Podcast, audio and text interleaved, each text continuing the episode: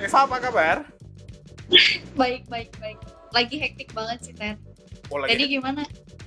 eh, di sini di sini sering hujan, sering banjir. Luar biasa. Aku juga kaget kok di Pontianak bisa banjir. Aku baru pertama kali banjir separah ini. Oh iyalah, Mm-mm. Kirain musim kemarau loh. Eh, udah masuk September sih, tapi kan kayak baru mau masuk musim hujan gak sih? Di sana apa nggak hujan juga ya? Enggak, jarang hujan. Oh ya, di sini sih hujan terus loh. Ah, beda banget. Nah, memang Pontianak. Aku kayaknya tinggal di sini lima tahun terakhir baru pertama kali aku lihat Sungai Raya Dalam tuh banjir. Ah, Aku seumur An- hidup lima tahun terakhir kayaknya nggak pernah sampai yang paritnya itu sampai sampai keluar gitu. Akhirnya aku nggak pernah. Baru pertama kali ini sih. Jadi jarang ya udah agak nih. Oke, hari ini gua bakal ngobrolin eh, satu topik menarik dengan Eva. Tapi sebelumnya kita kenalan dulu lah. Ini siapa sebenarnya hubungannya dengan aku ini apa dia ini backgroundnya apa gitu gua ada coba kepoin ya gua ngaku gua kepoin Eva gua cari internet gua ketik namanya gua cari tahu apa aja tentang diri dia dan sebenarnya sangat impresif gitu loh background dia eh, sebelum memulai bisnis ini ya menurut aku ya. Karena jujur aku nengok di sana itu rata-rata adalah analis ya bisnis analis juga sempat jadi product manager. Menurut aku itu udah wow banget. Menurut aku kalau itu dikatakan untuk anak fresh graduate yang mau yang habis lulus kuliah itu kerjanya keren banget gitu loh. Gaul banget wah banget gitu loh. Terus mendadak si Eva ya kan di Instagramnya aku juga ada follow dia. Resign betul ya? Nggak juga resign ya gitu ya. Dan dia start Bener. bisnis gitu loh. Nah sebelum Yes. ngobrolin bisnisnya pertanyaan sejuta umat deh. Kenapa resign? Maksudnya maksudnya udah bagus banget loh. Kalau untuk kalau untuk model model mungkin ya mungkin ya untuk model orang tua aku lah misalnya ini udah bagus banget nih kerjanya nih ya kan di ibu kota lagi bagus lagi jabatannya keren nih gitu loh why Eva why Iya, iya, iya, ngerti, ngerti. Oke, jadi kenapa resign ya? Eh sebenarnya ini yang sebenarnya ini karena cita-cita sih dari kecil. Jadi emang dari SD tuh aku selalu kayak kalau pakai suatu barang atau kayak nikmatin suatu produk atau jasa, gue tuh so wonder gitu loh kayak kok bisa ya orang-orang tuh ciptain barang ini gitu? Kok bisa ya orang-orang tuh ciptain makanan seenak ini gitu? Mereka tuh Oke. kepikirannya gimana sih gitu? Kayak emang dari SD tuh aku emang udah suka admire uh, barang-barang produk ataupun jasa yang kayak gue rasa kok bisa ya orang kepikiran buat bikin suatu produk atau jasa ini tuh yang minta dinikmati sama banyak orang dan banyak banget barang-barang yang kita tuh nggak bisa hidup loh tanpa barang-barang itu misalnya kayak handphone lah, lampu lah. Kayak kalau udah nggak ada handphone kayak oke kita bisa mati gaya terus kayak bener-bener gelisah kayak gitu kan. oke Jadi kayak aku kan lain sama eh, para pebisnis gitu loh. Oke. Jadi emang dulu cita-citanya pengen jadi pebisnis, pengen ciptain Oke. produk jasa yang bermanfaat gitu. Nah, pengen nyiptain produk jasa ya sebenarnya aku nggak mesti kayak eh, produk nggak mesti harus kayak produk, nggak mesti harus kayak F&B gitu Hmm. sih. Dari pengen jadi ya entrepreneur aja gitu, jadi pebisnis. Nah, terus kenapa resign? Karena eh sebenarnya kalau Teddy nyadar tuh ya dari SMA tuh aku udah coba-coba jualan gitu loh. yes ya pas- I, I know I know ya ya maksudnya Pas ya, ya kabarnya beredar gitu ya pas SMA kan aku pernah coba jualan kayak eh, baju gitu ya sama ada satu teman aku SMA. Nah terus habis itu pas kuliah pernah juga coba eh, fashion lagi, terus Oke. pernah coba skincare import dari Korea. Nah even sambil kerja eh, ker- pertama tuh aku fresh grad kerja di konsultan itu kan, Mm-mm, konsultan Accenture yes Uh, yes belum tahu. Nah, setelah jadi konsultan dan eh, sorry, maksudnya pas lagi eh, jadi konsultan sendiri pun gua sebenarnya masih sambil nyari loh kayak sebenarnya pengen bisnis apa ya, pengen Oke. bisnis apa. Kayak nggak pengen cuman jual jual barang orang gitu loh pengen bikin suatu produk sendiri atau jasa sendiri gitu nah, itu tuh emang galau banget karena uh, waktu itu terlalu sibuk kerja ya hektik dan kayak gak ada waktu buat explore explore kan nah terus uh, pas aku kerja di konsultan itu dan buat udah tahun kedua ya nah aku tuh meet up lagi nih sama teman aku Oke. uh, di jadi Oke. dia kita tuh emang sering kerja bareng dulu organisasi bareng sama uh, sekelas terus gitu nah jadi kita emang udah kenal dekat terus kita tuh ngobrol kita tuh sama-sama pengen bisnis tapi pengen bisnis apa nih nah mulailah berpikiran dari sesuatu yang kita suka makanan gitu kan Oke. Nah, mm, mungkin makanan dibandingkan produk atau jasa lain tuh relatif eh, lebih gampang ya. Lebih gampang tuh dalam arti kita bisa mulai dari dapur sendiri, kita coba-coba sendiri, kita ambil resepnya dari internet kan. Nah, makanya kita coba racik-racik. Wah, kayaknya udah oke nih. Nah, boleh nih kita coba jualin. Nah, waktu itu pas pertama kali Spice in Rice Spa itu di tahun 2020 Januari. Itu aku masih kerja di konsultan. Oke, Nah. masih kerja Iya, lah ya nah. gitu ya sambil lah ya. Iya, masih sambilan kan. Nah, cuman mikir, wah ini konsultan parah banget. Aku kayak sering lembur, Mm-mm. weekend kerja, kayak nggak ada waktu kan. Jadi aku jadi aku mutusin buat pindah kerja dulu di startup dengan harapan aku punya lebih banyak waktu luang Oke. buat kembali kan. Oke. Eh, totonya corona, Oh, gitu. buat covid kan. Jadi kan waktu Oke. itu padahal sebenarnya Spice Erase itu penjualannya udah bagus banget naik terus dan eh tapi kita kan jualannya di kayak kantin kantoran gitu tuh di daerah Sudirman.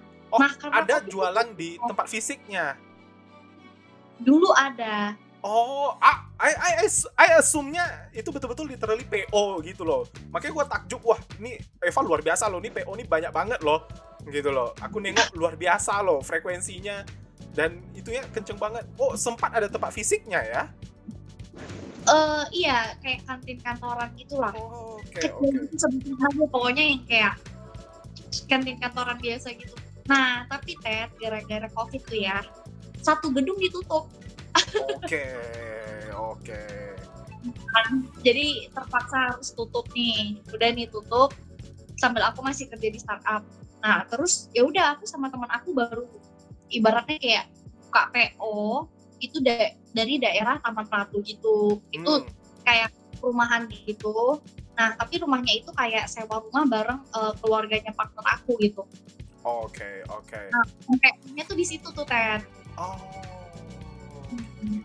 Oke, ini udah banyak yang ke spill ya. Jadi udah tahu apa bisnis yang Eva geluti ini itu F&B ya, terutama di bidang makanan sekarang Spice It Rice. Ada Instagramnya nanti gua tag kalian yang wilayahnya di sekitaran mana nih? Karena gua nggak hafal Jakarta gitu loh.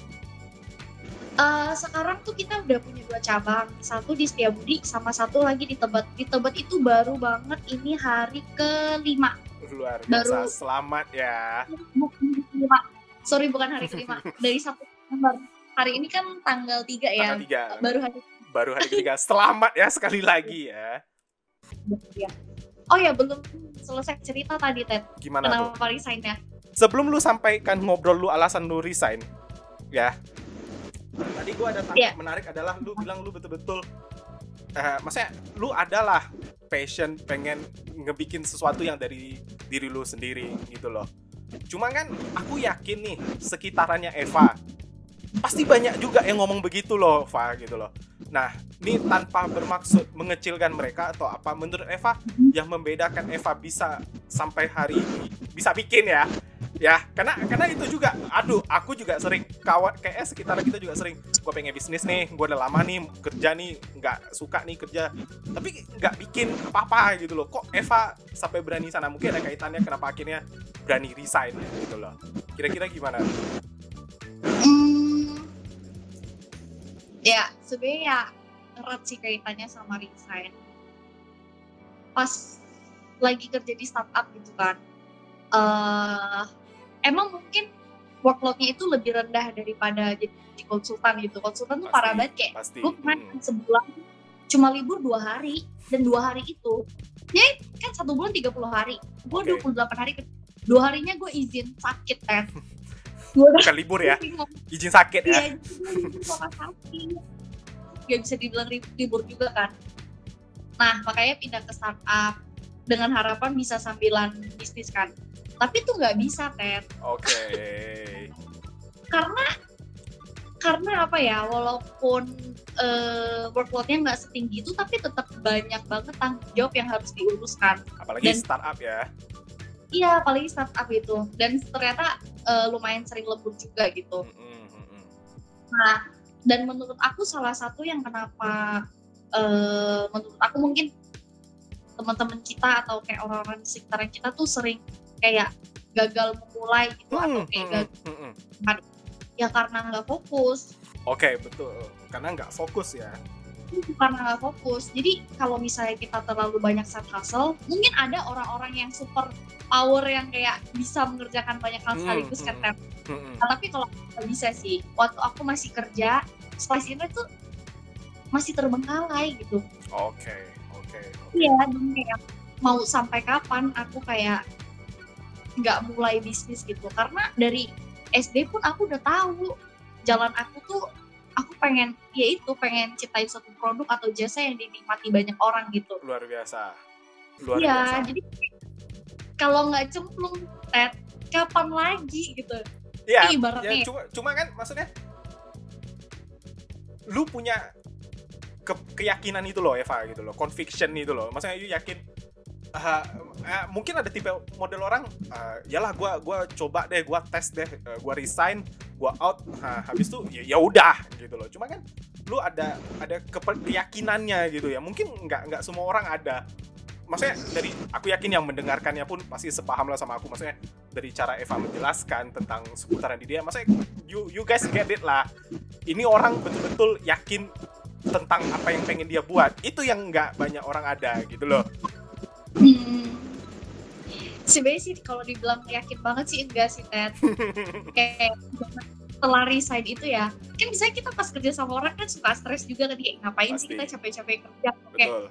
kayak kerja bagai kuda segala macam sampai orang sebut corporate slave gitu kan Hmm, hmm, tapi adalah ketika resign dan benar-benar ngejar mimpiku di bisnis ya itu tuh jauh lebih parah kan Oke. parah Oke, malah malah malah malah bukan lebih enjoy ya, lebih parah malah. Sebenarnya jauh lebih parah sih Ted apalagi aku resign di kala pandemi terus tiba-tiba ada ppkm yang Ya, menghantam gitu. Sebenarnya kalau dibilang yakin banget, jujur enggak. Cuman satu hal yang pasti adalah aku lebih ba apa ya kayak pernah nggak sih Ted kayak mikir gitu loh kayak nanti ya pas kita umur 40 tahun atau 50 tahun kita tuh hidup tuh udah kayak gimana gitu sih. Kayak hmm, gue tuh hmm, hmm, hmm. banget loh. Tiba-tiba aku udah umur 50 tahun terus kayak mikir kenapa ya Kok aku nggak lakuin dulu ini tuh dulu ya, gitu ya. Nah, iya gitu loh. Ngerti gak sih? Jadi kayak lebih baik aku menyesal mencoba daripada nggak mencoba gitu. Ya, ya. karena iya apalagi kayak dari dulu tuh emang udah tahu udah udah pengen gitu Hmm, kayak kenapa sih nggak coba dulu sampai ibaratnya coba dulu sampai mampus mampusan deh mati matian harus gimana caranya berhasil gitu luar biasa. Luar biasa. Karena karena gua gua ngomong ya ugly truth-nya ya. Gua berani ngomong deh ini karena gua banyak banget kawan gue yang juga ngomong mirip-mirip Eva gitu loh. Makanya dia ah, nah, daripada kita nyesal berbuat. Cuma masalahnya kebanyakan yang begitu tuh ah, pada pada level tertentu udah mereka give up gitu loh. Pada pada sampai di titik tertentu mereka give up. Jadi itu akan lanjut ke pertanyaanku berikutnya ya. Gimana? Fendi, Spice in Rice sampai hari ini gitu loh. Challenge, hambatan, tantangan di usahamu yang paling lu kerasa apa sih? Sebagian orang tuh sampai satu titik ya, Fa. Udah mulai bisnis, udah mulai branding, udah mulai ada produk nengok, ah, udahlah gitu loh. Aku balik aja lah gitu loh. Ada loh yang seperti itu. Lu sampai titik mana tuh yang kadang mungkin mempertanyakan. Karena kalau kalau di podcast ya, podcast sebelumnya sama Andri, Andri pernah tuh ada di titik juga gitu dia, tapi dia ya maksudnya lanjut lah. Eva pernah ada seperti itu.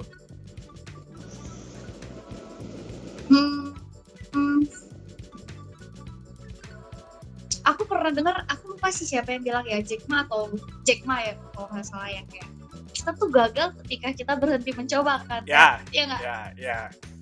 Itu nice science banget. Jadi- iya kan emang kata-katanya klise banget gak Iya. sih kayak klise Hmm, hmm. tapi ya itu kenyataan gitu Hmm. even even pun sebenarnya pas ppkm juga Spice Invest juga kenal loh karena Spice Invest kan di Setiabudi kan Setiabudi tuh kalau tahu tuh em, diapit oleh daerah Sudirman Sudirman Oke, SCBD oke Sudirman tahu. Hmm. jadi itu benar-benar daerah yang sebenarnya daerah yang super seksi karena banyak kantoran banyak Ya, untuk apartemen, karyawan lah ya. Hmm. banyak- tapi karena ppkm ini ya tahu lah ya Hmm. warganya pada bubar gitu pada nggak masuk kantor kan nggak boleh masuk kantor dan anak kosan anak apartemen bahkan banyak yang cabut tak keluar kota entah balik Ya, balik ke ke rumahnya kampung.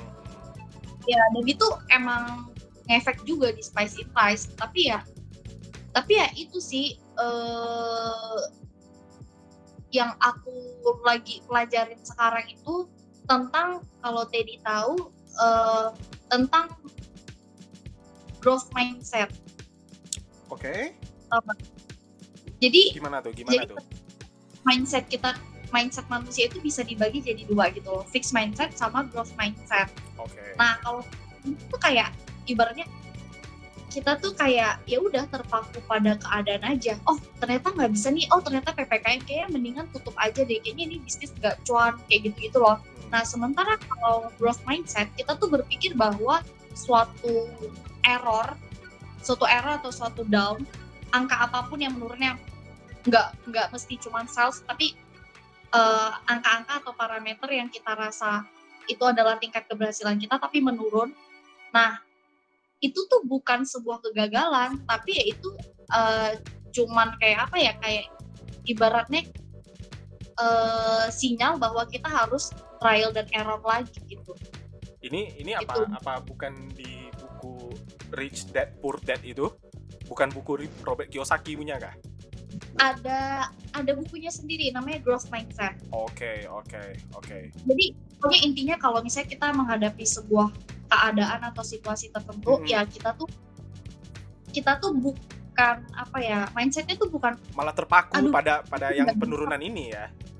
iya kita tuh nggak bisa pokoknya keadaan ini nggak bisa deh itu tapi ya mindset kita adalah kita belum bisa sehingga kita coba terus sampai bisa Hmm. kita try terus sampai bisa itu sih growth mindset Oke. jadi yang aku terapin itu gitu walaupun emang uh, pas ppkm ini turun kan tapi karena menerapkan si growth mindset itu oh, udah berangsur uh, naik kembali gitu.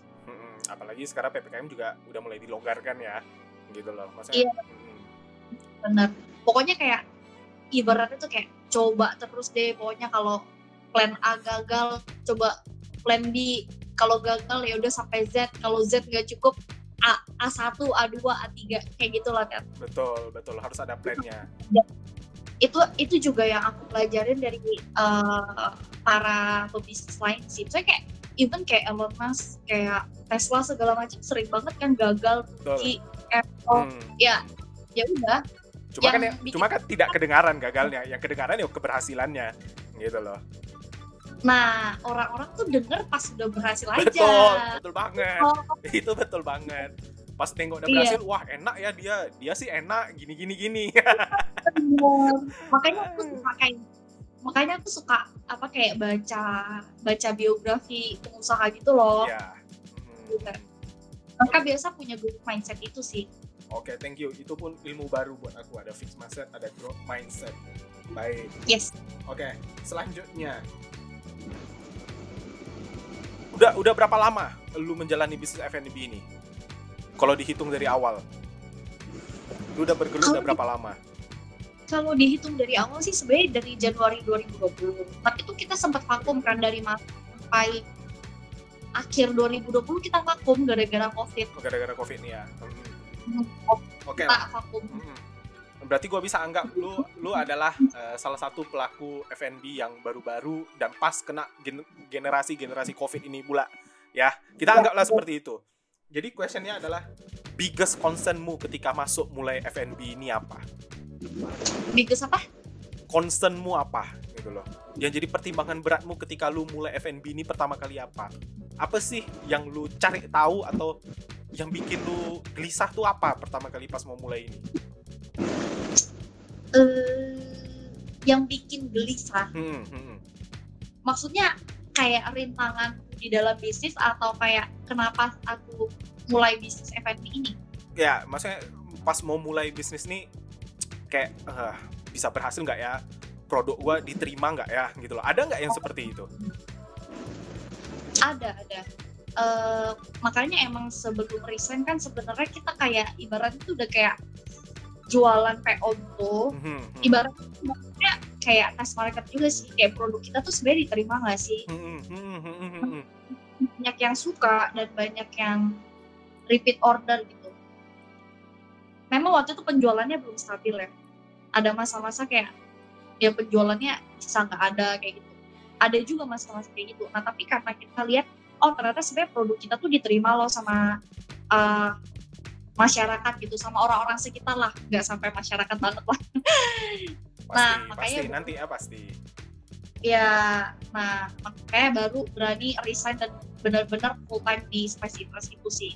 Oke. Karena- udah tes produk lah ibaratnya gitu. Mungkin kalau konsep pertama tuh lebih ke duit kali kayak Hah, ya itu concern segalanya. Concern segalanya ketika mau start bisnis. iya Tapi kan, Jadi iya, maksudnya makanya kembali lagi ketika orang mau start bisnis kan konsep pertamanya soal modal itu kan ya itulah makanya dia cari dulu kerja di mana dia sambil kayak Eva yang lakukan ini tes market dulu terima nggak gitu. Jangan sebelum ada tes market dihajar bablas. Gitu loh. Oke menarik banget. Ada satu hal yang gue pengen tanyain secara langsung ya. Karena gue pernah nengok si Eva share ini ke Instagramnya. Dan menurut aku itu menarik banget menurut aku. Jadi kalau nggak salah ya lu Ya. pernah eh, share salah satu testimoni dari customer. Salah satunya tuh yang ngomong soal bad reviews lah pokoknya. Ya kan bad things. Dan lu betul-betul lu embrace. Ya lu embrace kesalahan itu entah itu langsung tidak langsung tapi lu embrace gitu loh. Kenapa gitu loh? Why? Why you berani ambil tindakan seperti itu karena biasa kalau orang kan ada yang seperti itu oke minta maaf ya udah disembunyikan gitu. Jangan muncul ke permukaan gitu loh. Ini nggak lu sengaja nih munculkan ke permukaan nih gitu loh. Nah karena sebenarnya gini Ted. Kayak kenapa gue kayak mulai cerita pengusaha. Cuman emang sempat vakum karena karena hektik parah sih. Hmm, hmm. Sekarang ibaratnya kayak lagi vakum tapi uh, emang masih suka cerita-cerita juga di lewat IG story gitu kayak perjalanan. Tapi kalau yang benar-benar uh, di feed itu udah jarang sih kan nah kenapa berani cerita? Karena tuh uh, sering kali kita melihat bahwa bad review itu adalah sebuah aib. Yes. Hmm, hmm. padahal padahal bad review itu semua brand itu pasti bakal punya bad review. Hmm. ada orang yang suka banget Apple. Tapi ada juga orang yang sangat anti Apple ya kan? Ya. Ada juga banget Samsung. Tapi banyak juga yang gak suka Samsung dan ngasih bad review gitu di mana-mana. Hmm, hmm, hmm. Nah, jadi eh, kenapa aku sampai di sosmed aku? Karena aku pengen orang-orang tahu bahwa eh aku itu jujur, jujur dalam arti ya. Aku cerita bukan cuma cerita hal-hal tentang eh, keberhasilan doang, tapi hal-hal yang merupakan kata mungkin bagi orang lain itu adalah aib, tapi aku buka, aku share gimana sih caranya buat menangin hati customer yang yang apa ya yang udah kecewa sama brand kita. Hmm, karena kan nggak mungkin sebuah bisnis tuh kayak smooth kayak nggak Hmm. pernah ada bad mustahil banget Ya, pasti pasti. akan selalu bad review pasti akan selalu ada yang nggak suka pasti ada aja kerjaan karyawan kita tuh yang salah gitu kan hmm. sampai customer kecewa.